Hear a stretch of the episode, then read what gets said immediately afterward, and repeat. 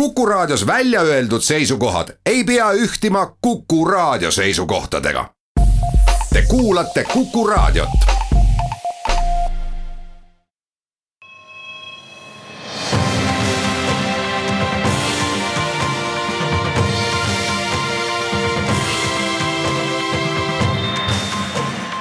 Buum.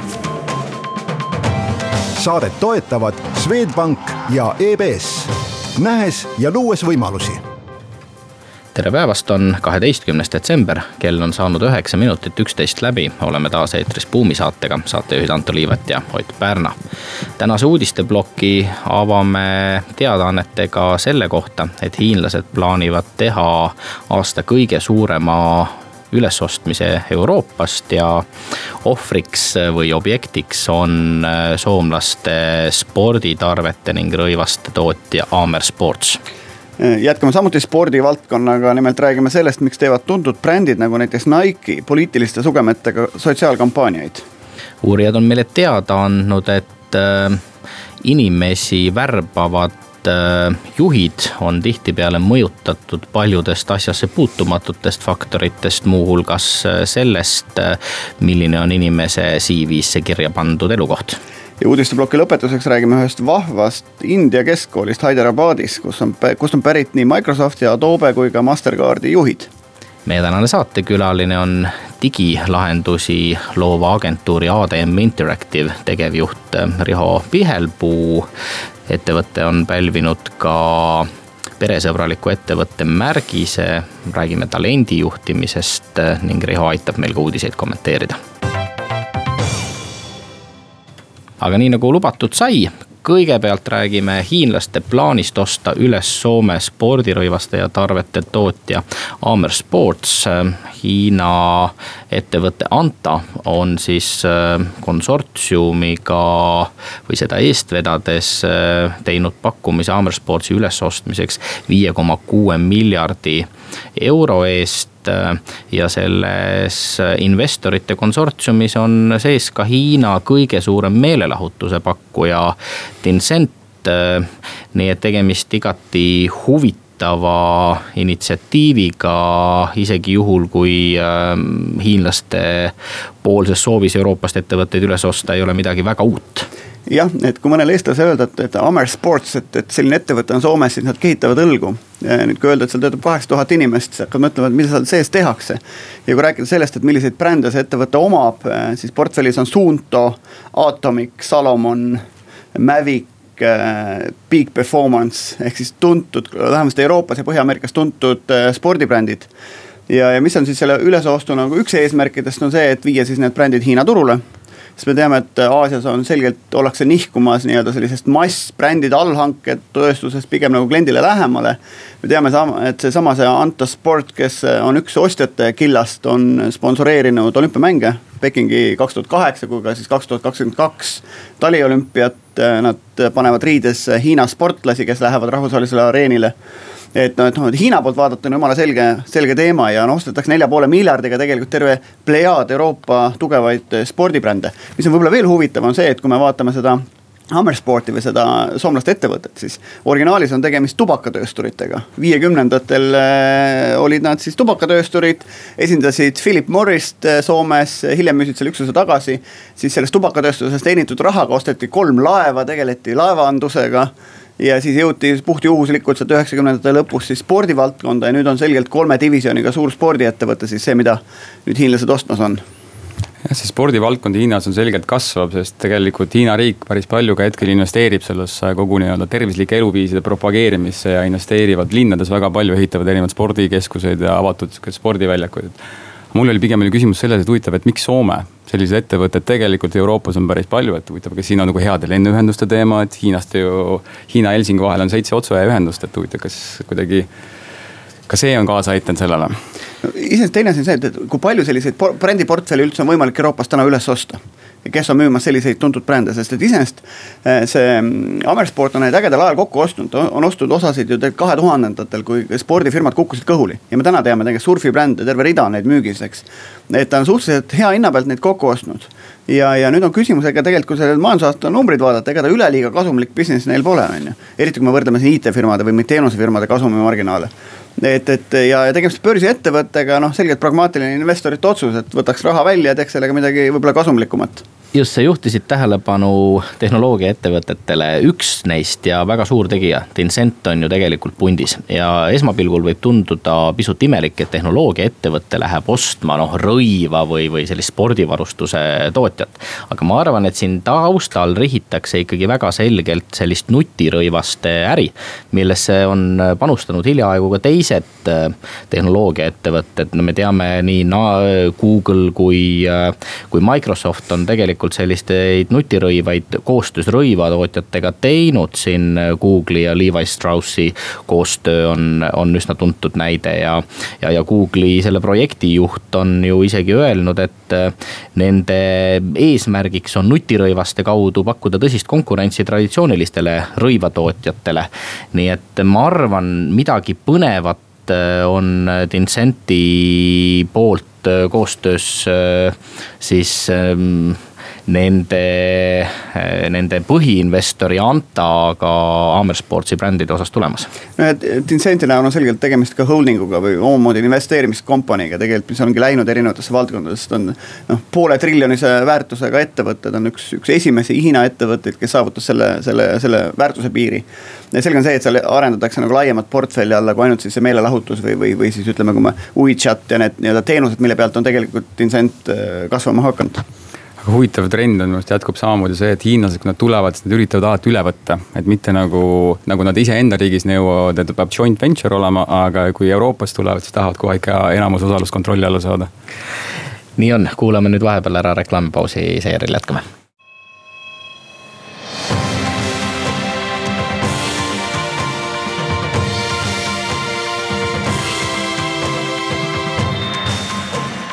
Buum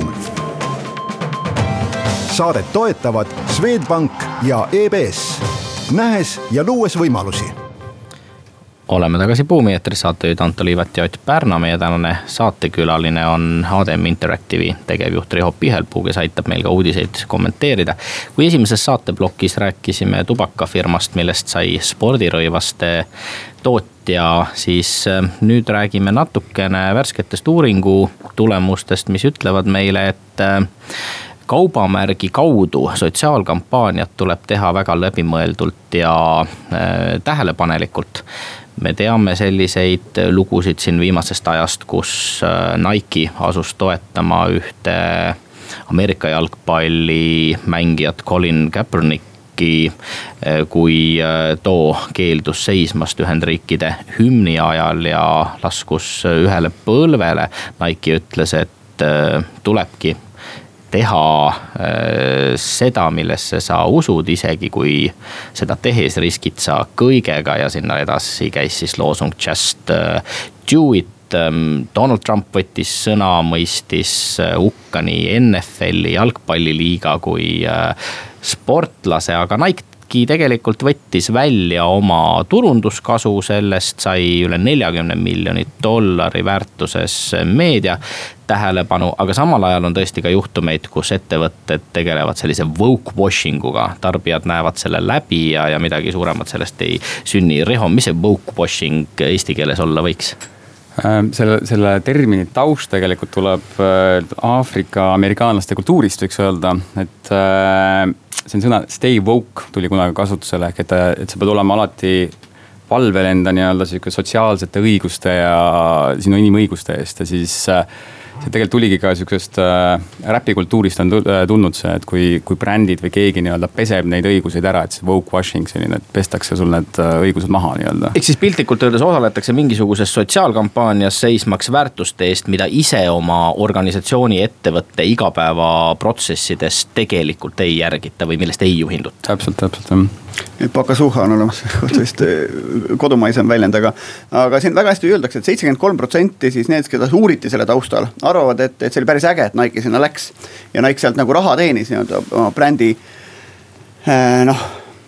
tugevdamisel, eks, et ja selgelt sihiti ka siis sihtgruppi demograafilises mõttes, keda siis selline asi kõnetab. teiselt poolt needsamad uuri-, uuritavad ütlesid ka et, et, et nelikümmend viis protsenti Äh, vajalt nelikümmend viis protsenti arvasid, et Nike'il ka sisuliselt selle teemaga midagi pistmist on. et just nimelt, et see on see nagu näilisus, et minnakse mingi moetrendiga noh kaasa, poliitikas me näeme seda hästi tihti, kus minnakse nagu noh püütakse ära haista, ka ettevõtjatel me oleme näinud, et är, noh, kes nähakse, et kinnisvarabuumi, läheme kinnisvarasse. muidugi pikas perspektiivis kipuvad olema edukamad ettevõtted, kes on oma põhitegevuses olnud, ei ole nagu tuulelipp läinud sinna ja tänna. et eks turunduses on seesama lugu, et, et, et kuivõrd sa saad ikkagi nagu nii-öelda tuulelipuks minna ja, ja kuivõrd sa pead ikkagi nagu oma asja ajama? Ma ütlen, aga eks, eks selle kogu selle asja taust on tegelikult see, mis ka meil see talendi juhtimisega natuke seostub, on see, et inimesed tahavad, et nendel tööl ja toodetel ja asjadel, mida nad tarbivad, oleks mingi väärtus või neil oleks mingi sõnum ja eks selle, sellesama asja pealt nii-öelda on ka nüüd siis brändid ja ettevõtted hakanud seda ära kasutama, et kui vanasti oli sex sales, siis hetkel on äh, social justice sales nagu, et sa pead mingite väärtuste, mingi sõnumitega tulema, et oled lihtsalt midagi rohkem kui see piimapakk. no tavapäraselt ikkagi ettevõtted oma brändide kaudu ei julge ühiskonna asjades, eriti poliitiliselt tundlikes väärtusküsimustes sõna võtta, aga nüüd vist hakkab maailm muutuma ja neutraalsus on, äh, on ju igav. ainult et äh, tõesti, kui asuda seisma asjade eest, äh, mis ettevõtte sees oluliseks äh, peetud või tähtsustatud ei ole. siis noh, muidugi võid lollitada kõiki inimesi mõnda aega või mõnda inimest kogu aeg, aga sa ei saa lollitada kõiki inimesi, ühel hetkel hakkab see välja paistma. halvemal juhul ei saavuta sa oma turundusrahaga suuremat äh, mõju, aga võib ju minna tõesti ka niimoodi, et et, et hoopistükkis teed kurja brändile. no see, et ettevõtted nagu mingis sotsiaalkampaaniates sees on, see iseenesest ei ole paha, on ju, et küsimus on see, et kuivõrd nad su põhiväärtustega nagu seonduvad, et kui sa Nike ajaks taga, ma ei tea, laste vähest liikumist või ülekaalulisust Ameerikas oleks nagu selge. aga et minnakse nagu selgelt poliitilise vastandumise koha pealt välja, see iseenesest on nagu poliitikas me teame seda, et vali noh, kabes samamoodi, et, et saad nagu diagonaalid kätte, siis on nagu noh, tammidega sõidad, eks, eks. sul ei ole vaja kõiki kliente, sul on vaja poolt, eks. et sul on vaja seda poolt, kellele sa, sa meeldid ja sa kinnistad seda poolt endale ja laiendad seda poolt, antud juhul siis demograafilises mõttes mindi nagu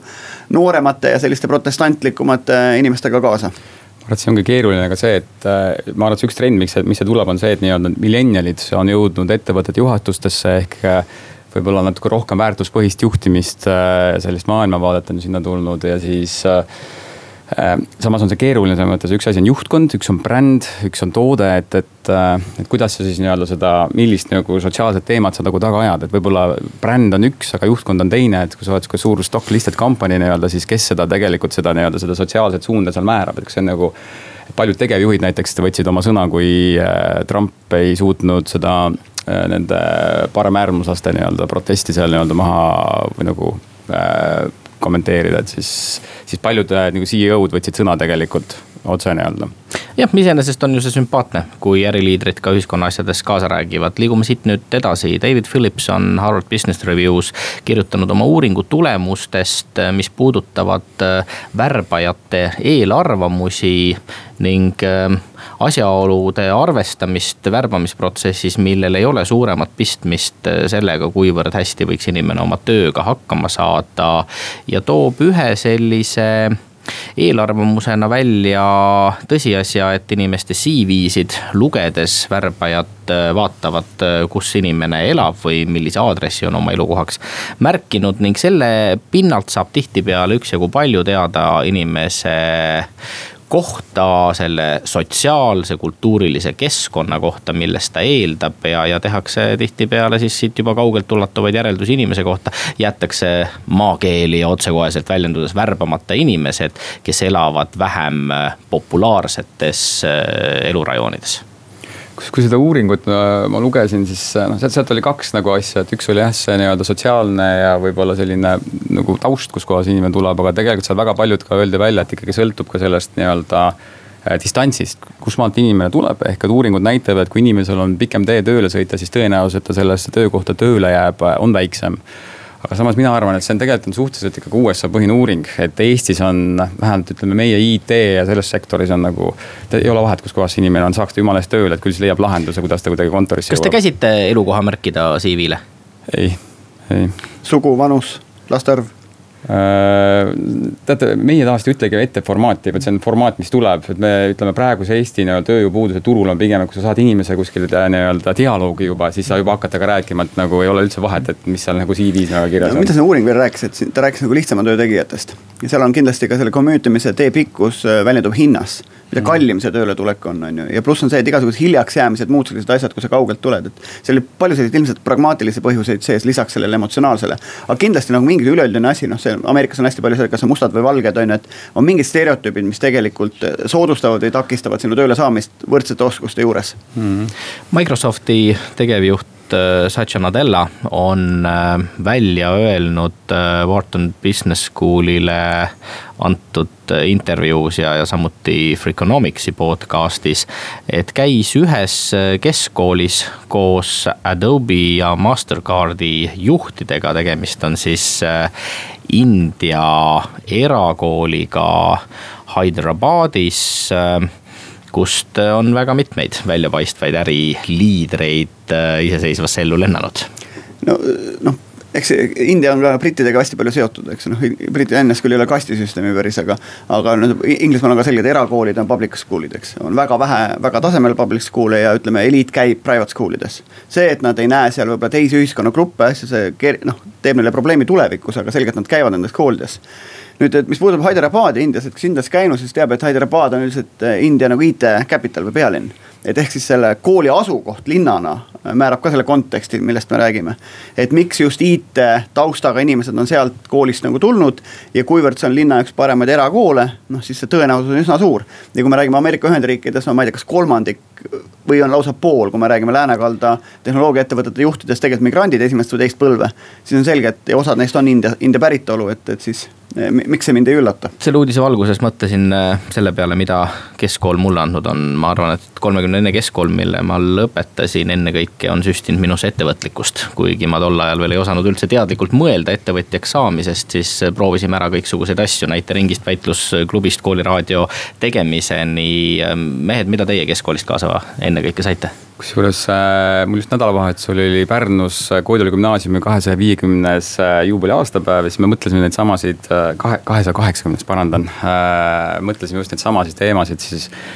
siis ma arvan, et meil oli sihuke, kuna meil oli Mata ja Füssa sihuke süvakallak, et siis ennekõike sihuke, sihukest õppimist, pingutust. aga, aga samas sihukest fun'i, et suudad pingutada, work hard, party hard, et, et ma arvan, see on see, mis meilt sealt tuli no minu keskkool on teist ilmselgelt erinev, et, et äh, keskkooli lõpetamiseks ma olin jõudnud teha sporti, hakanud põllumeheks, käinud tehnikumis, käinud elukoolis.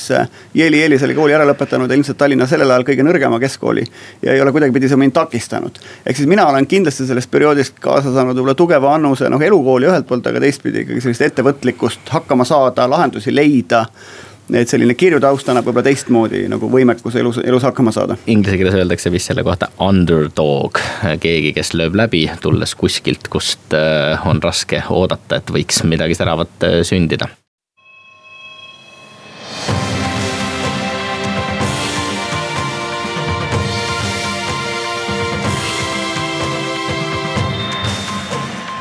Buum saadet toetavad Swedbank ja EBS, nähes ja luues võimalusi oleme tagasi Buumi eetris, saatejuhid Anto Liivet ja Ott Pärna. meie tänane saatekülaline on digilahenduste agentuuri ADM Interactive tegevjuht Riho Pihelpuu. Ettevõte sai seitsmeteistkümnendal oktoobril sotsiaalkaitseminister Kaia Iva käest Äh, tunnustusüritusel ühena kolmeteistkümnest tööandjast peresõbraliku tööandja märgise. midagi on selles ettevõttes seega õigesti ja hästi tehtud olukorras, kus uuringud pigem näitavad viimasel ajal seda, et töötajate tööga rahulolu ning pühendumus Eesti ettevõtetes, aga ka avaliku sektori asutustes langeb. Riho, millega ADM Interactive äh, tegeleb? ma arvan, et meie sihuke tuumikteenus on, et me pakume äh, äriklientidele või ka ütleme ka riiklikele institutsioonidele sellised äh, klienditeenindus, müügi ja siis ütleme turundus äh, või müügilahendusi, siukseid online lahendusi, millega siis ütleme, tarbija saab suhelda siis kas brändi, toote või riigiasutusega. palju sul töötajaid on? No meil on sihuke nagu grupilaadne moodustis, et ütleme kokku on sada kakskümmend inimest, arenduse peal on kuskil kaheksakümmend, meedia pool on ja on ka nii-öelda pilveteenuste pool varem tegite põhiliselt veebilehtesid, et nüüd olete siis edasi arenenud sellest? kunagi, ütleme kunagi on jah tekkinud, ütleks isegi loovagentuurist sai äh, sihuke veebiüksus ja siis sealt edasi on see areng, areng läinud jah me lubasime täna rääkida talendi juhtimisest. klassikaline talendi juhtimise määratlus ütleb, et tegemist on protsessiga, mille käigus siis äh, defineeritakse organisatsiooni inimtööjõu äh, vajadused. ja siis äh, kavandatakse erinevaid tegevusi selleks, et leida sobivate teadmiste, oskuste, kompetentsidega piisaval hulgal töötajaid. kuidas teie talendi juhtimist määratlenud olete ja milliseid tegevusi see endas kätkeb? Talendi juhtimine on sihuke modernne sõna ja võib-olla veel isegi modernsem sõna, mida kasutatakse, on nihuke töökoha disain. ja seda mitte nii isegi, et me disainime sulle laua ja arvuti, vaid et, et millist tööd sa teed, kuidas sa teed, kellega sa teed, et see oleks nagu kõik paigas et ütleme, see, see talendi juhtimine tegelikult arv, algab ennekõike värbamisest, sest öeldakse, et nagu, et väärtusi sa ei saa koolitada ega kasvatada, et väärtused tuleb värvata. ehk et tegelikult kogu selle talendi juhtimise üks väga suur osa on, ongi just värbamine ja et kuidas saada värbamisel juba teada nii-öelda see inimese silmades ära ja kas ta nagu sinu ettevõtte kultuuriväärtustega kuidagi haakub ja et kuidas, kuidas siis aru selle, sellest saada? me rääkisime värbamisest natukene ka ühe uudisteema kontekstis. Ehm, milliseid eelarvamusi sa oled eh, ise täheldanud, et et äh, kas teie ettevõtte puhul või, või, või teistes ettevõtetes äh, ette tuleb, kui inimeste CV-sid äh, loetakse ja noh, me oleme siin ka Buumi saates rääkinud lugudest, kus värbamisel kasutatakse üha rohkem algoritmide, tehisintellekti abi, programmeeritakse nad selekteerima kandidaate mingisugusel viisil, millel teinekord ei pruugi ikkagi olla ülemäära palju pistmist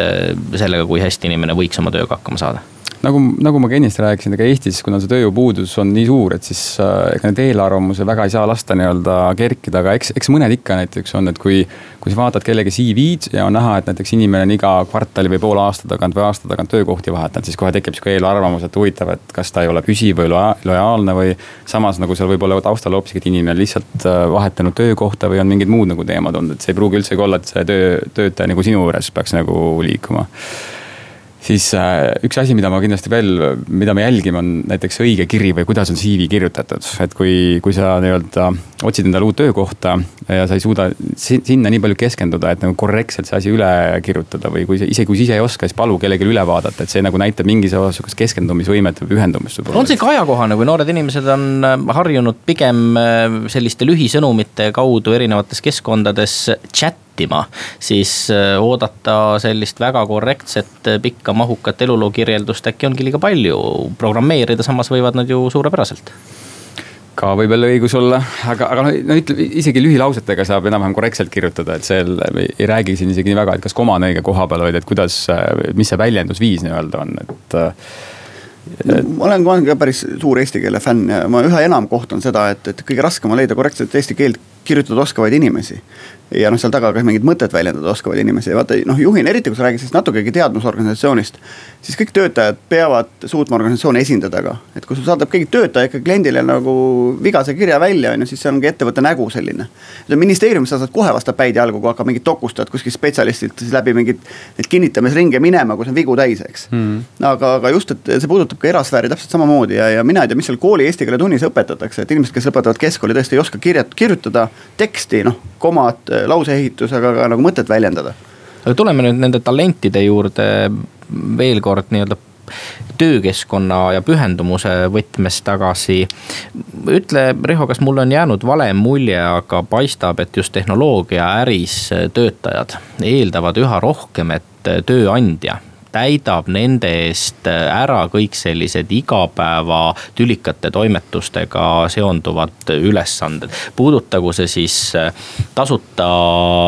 läbipäeva garanteeritud äh, tervislikku toitu, lasteaia kohti, spordivõimalusi ja treeninguid ja nii edasi, nii edasi, nii edasi, on see, on, on see täna töövõtjate ootus? Üldiselt küll jah, et võib öelda, et äh, kuna see IT-sektor ei konkureeri ju siin Eesti ettevõtetega ja kui Eestis on äh, kümned tuhanded nii-öelda puudu, siis üle maailma on veel rohkem inimesi puudu, et, et sa ei konkureeri ainult siin teiste Eesti ettevõtetega või ettevõtetega, kes on oma arenduskeskused Eestisse teinud, vaid sa tegelikult äh, konkureerid kogu maailmaga et selles osas küll, et äh, ka me, ütleme meil üks nii-öelda sihuke kaasatud juhtimise või sihukese flat juhtimise alustala on see, et tegelikult kogu selle juhtkonna ja admin nii-öelda ressursi roll on see, et äh, luua tiimidele töökeskkond, kus nemad saavad hästi nagu tööd teha, et ei ole enam sihuke nagu kõrget hierarhiat, kus ülemus kuskilt ülevalt midagi käseb poo peal laseb, vaid on et ülemus on tegelikult või ütleme, juhtkond on samal tasemel nagu tiimidega ja pigem on nagu sihuke toetav roll, et nemad saaks oma tööd teha äh, hästi. kuidas teil töötajad tulevad, tulevad nad Ademi brändi pärast, tulevad nad teiste töötajate pärast, töökeskkonna pärast, hea juhi pärast? ma arvan, see on äh, kõige kombinatsioon, et meil võib-olla ütleme, ADM kui tööandja brändina äh, võib-olla ei ole nii tuntud veel. ma ütlen veel, et eks me selle nimel ka nagu näeme vaeva, teeme tööd aga võib-olla on see kommunikatsioon, mismoodi me välja paistame ja ka ütleme ausalt jah, et su enda töötajad on su enda brändisaadikud, et meil päris palju inimesi tuleb ka just äh, nii-öelda tutvuste kontaktide kaudu oma, oma töötajate seast. mille eest see peresõbraliku tööandja märgis teile anti? see on tead äh, päris sihuke pikk protsess, et äh, sul tulevad nii-öelda esindajad tulevad majja, auditeerivad ära, mida sa täpselt teed, räägivad juhtkonnaga, räägivad töötajatega, küsivad täpselt, kuidas mingisugused erinevad lõigud kommunikatsiooni osas, inimeste tervise osas, mingi tööaja paindlikkuse, pere ja kogu selle osas nii-öelda, kuidas see tehtud on ettevõttes ja siis selle pealt nii-öelda hinnatakse ja antakse need märgised. mis see sisuliselt töötaja jaoks või ettevõtte jaoks igapäevatöö kontekstis tähendab? mida te sellist näiteks pakute, mida võib-olla keskmine Eesti ettevõte ei paku töötajatele? Ma arvan, see ongi võib-olla tulles tagasi selle töökoha disaini juurde äh, ja talendi juhtimise juurde ongi see, et selline noh, IT-sektor eriti peab tegelema selle indiviidiga. sa pead aru saama, et mis on selle inimese tugevused äh, ja kuidas sa neid tugevusi saad rakendada ja kuidas sa neid tugevusi saad erinevate projektide, tiimide lõikes rakendada, et ei ole olemas nii-öelda õiget äh, mudelit inimesel, vaid on olemas erinevad mudelid ja sina pead olema see õige juht äh, ja panema nii-öelda selle mudeli siis enda äh, organisatsiooni ja kultuuri kasuks seal tööle. et meie näiteks kasutame selleks Gallupi uuringufirma poolt välja töötatud Clifton Strengths on selline metoodika, kus saabki nii-öelda inimene profileeritakse kolmekümne nelja tugevusega Äh, mis on siis neljas kategoorias, et kuidas sa asju ära teed. Äh, milline on sinu mõt-, mõtlemise muster, mismoodi sa suhteid lood, mismoodi teisi, teisi mõjutad. ja siis ütleme, nende, nende mudelite pealt on nagu, saad nagu seda talenti ka paremini arendada. et, et kuidas, kuhu suunas teda, kuhu, kuhu suunas ta võiks liikuda, millistes projektides osaleda, millistes tiimides äh, tegutseda, et et ma arvan, et üks on see asi, et me nagu tegeleme inimeste arenguga suhteliselt, äh, suhteliselt detailselt ja meil on sihukesed nii-öelda süstemaatilised protsessid, et kuidas me seda teeme ja võib-olla siis see, ütleme. see tihedus, äh, see protsessi tihedus, kui tihti meie inimesega tegeleme, on võib-olla keskmisest ettevõttest võib-olla natuke siis. Äh, mis on huvitav, üle, üle aja on antud need tiitlid välja seitsekümmend viis tükki ja siin on, siin on ka päris huvitavaid, noh Tartu vangla näiteks hõbemärgis ja. et ei ole ainult IT-firmad, kes on peresõbralikud ettevõtted, et päris palju vahvaid selliseid täiesti teise valdkonna firmasid on samuti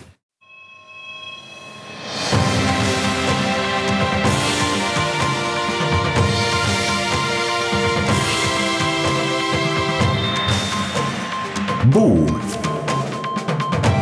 saadet toetavad Swedbank ja EBS, nähes ja luues võimalusi oleme tagasi Buumi eetris, saatejuhid Anto Liivat ja Ott Pärna, meie tänane külaline on digilahenduste agentuuri ADM Interactive tegevjuht Riho Pihelpuu. räägime talendi juhtimisest olukorras, kus Eesti ettevõtetes ja avaliku sektori asutustes pühendumuse hinnangud äh, töötajate hulgas pigem on langustrendis, siis ähm, kas Riho, teie mõõdate äh, töötajate pühendumust ja, ja, ja kuivõrd te olete täna siis äh, nii-öelda positiivsel äh, rajal või vastupidi ja, ja, ja mida te selleks teadlikult teete, et äh, inimesed tunneksid ennast rohkem ettevõttega seotud ning oleksid valmis endast igapäevaselt parim andma? kusjuures meie kasutame isegi ütleme selle uuringufirma metoodikat, kes sihukese termini nagu pühendumus või engagement turule tõi, seesama Gallup uuringufirma hakkas äh, ütleme alates üheksakümnendast aastast uurima ettevõtteid, et äh, miks mõned ettevõtted nagu paremini toimivad, miks mõned kehvemini. ja siis ta jõudis sellise nii-öelda uuringumeetodini äh,, mida kasutatakse siis töötajate rahulolu ja töötajate kaasatuse hindamiseks ettevõtteks, seda nimetatakse Gallup Q kaksteist ja meie sedasama metoodikat tegelikult endal äh, töötaja rahulolu, heaolu hindamises kasutame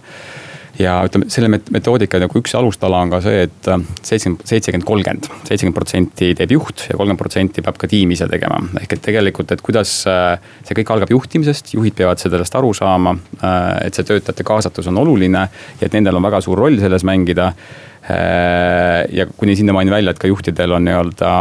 nende nii-öelda hindamiskaartides on kirjas, et, et kui, kui heal tasemel see töötajate kaasatus või pühendumus nende tiimides on ja et kuidas nad seda peavad parandama või juhtima. mis võiks olla need küsimused, mida töötajate käest küsida, selgitamaks välja nende pühendumuse määra või taset? see Gallupil endal on selline komplekt kaheteistkümnest küsimusest, äh, mis on siis nii-öelda äh, esimene plokk keskendub baasvajadustele, et äh, kas mul on nagu töövahendid olemas, kas ma tean, mida ma tegema pean siis äh, järgmine on selline, ütleme, selline isiklik, äh, isiklik areng ja sotsiaalne sidusus, sidusus võib-olla võiks öelda, et kas, äh, kas minu arvamus läheb arvesse. kas minuga minu arengust räägitakse, kas keegi julgustab minu erialast ja ütleme isiklikku arengut ettevõttes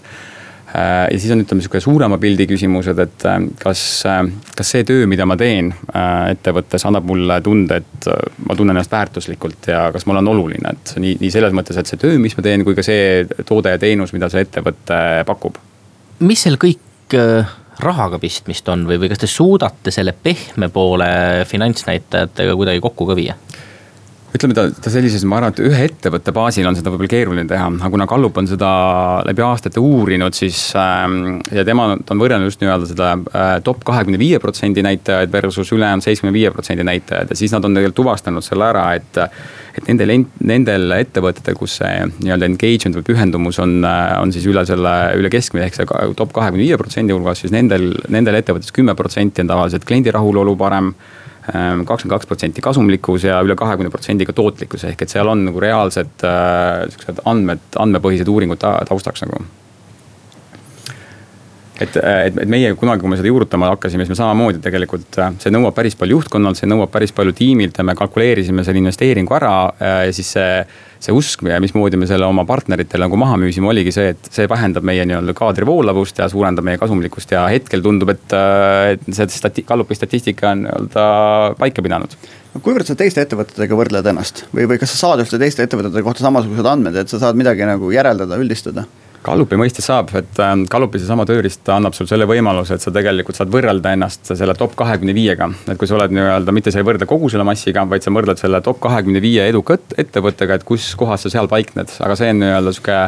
sektori ja üle, üle maailma põhine, et seal nagu ma täpselt ei tea, kuidas me Eesti ettevõtetega näiteks võrreldes oleme, et seda, seda, seda ei oska öelda. sa ennist siin ähm, kritiseerisid äh,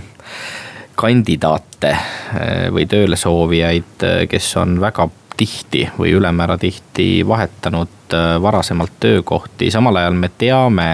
et üha enam on organisatsioonides äh, inimesi, kes töötavad seal osaajaga mingisuguste paindlike töövormide kaudu või lihtsalt ka pakuvad teatud ajaperioodil oma teenuseid ühele ettevõttele, miks mitte samal ajal ka teisele ettevõttele. kuidas te kogu sellisesse vabakutselisusesse suhtute?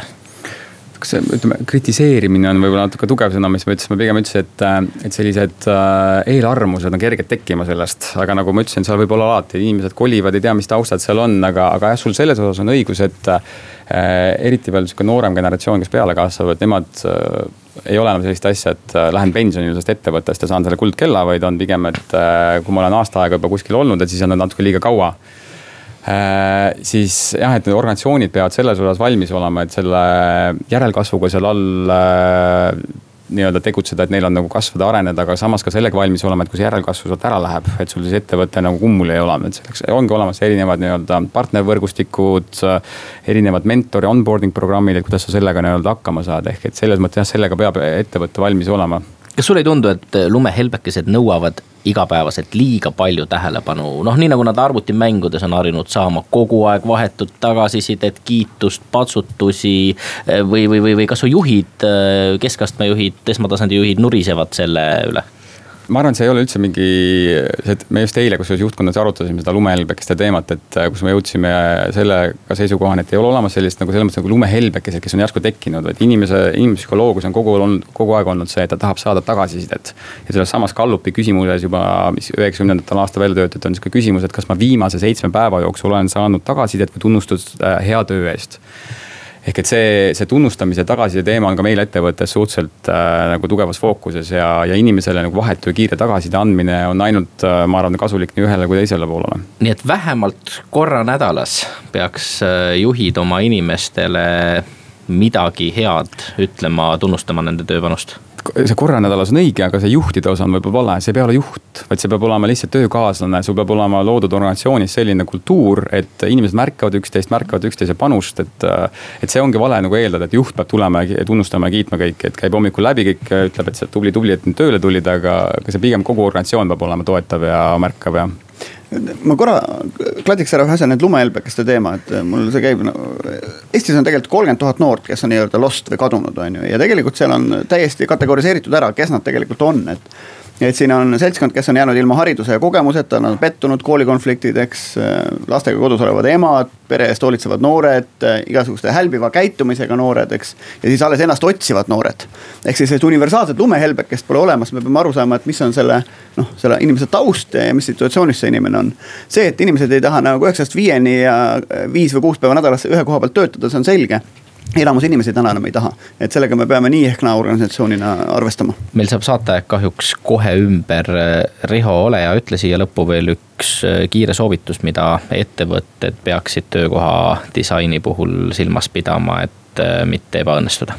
ma arvan, ongi, et aru saama, et kõik on erinevad ja ei ole olemas seda õiget inimest äh, õige mudeliga, vaid on olemas erinevad inimesed ja nendel tuleb leida see õige koht ja nendega lihtsalt tegeleda ja see kõik muidugi kardetavasti nõuab päris palju aega ja pühendumust, aga nagu sa ennist ütlesid, tasub ennast ka ära, vähemalt uuringute põhjal.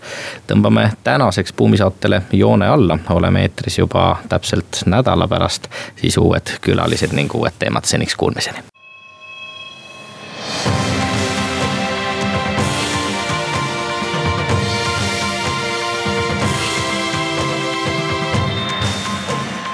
Buum saadet toetavad Swedbank ja EBS, nähes ja luues võimalusi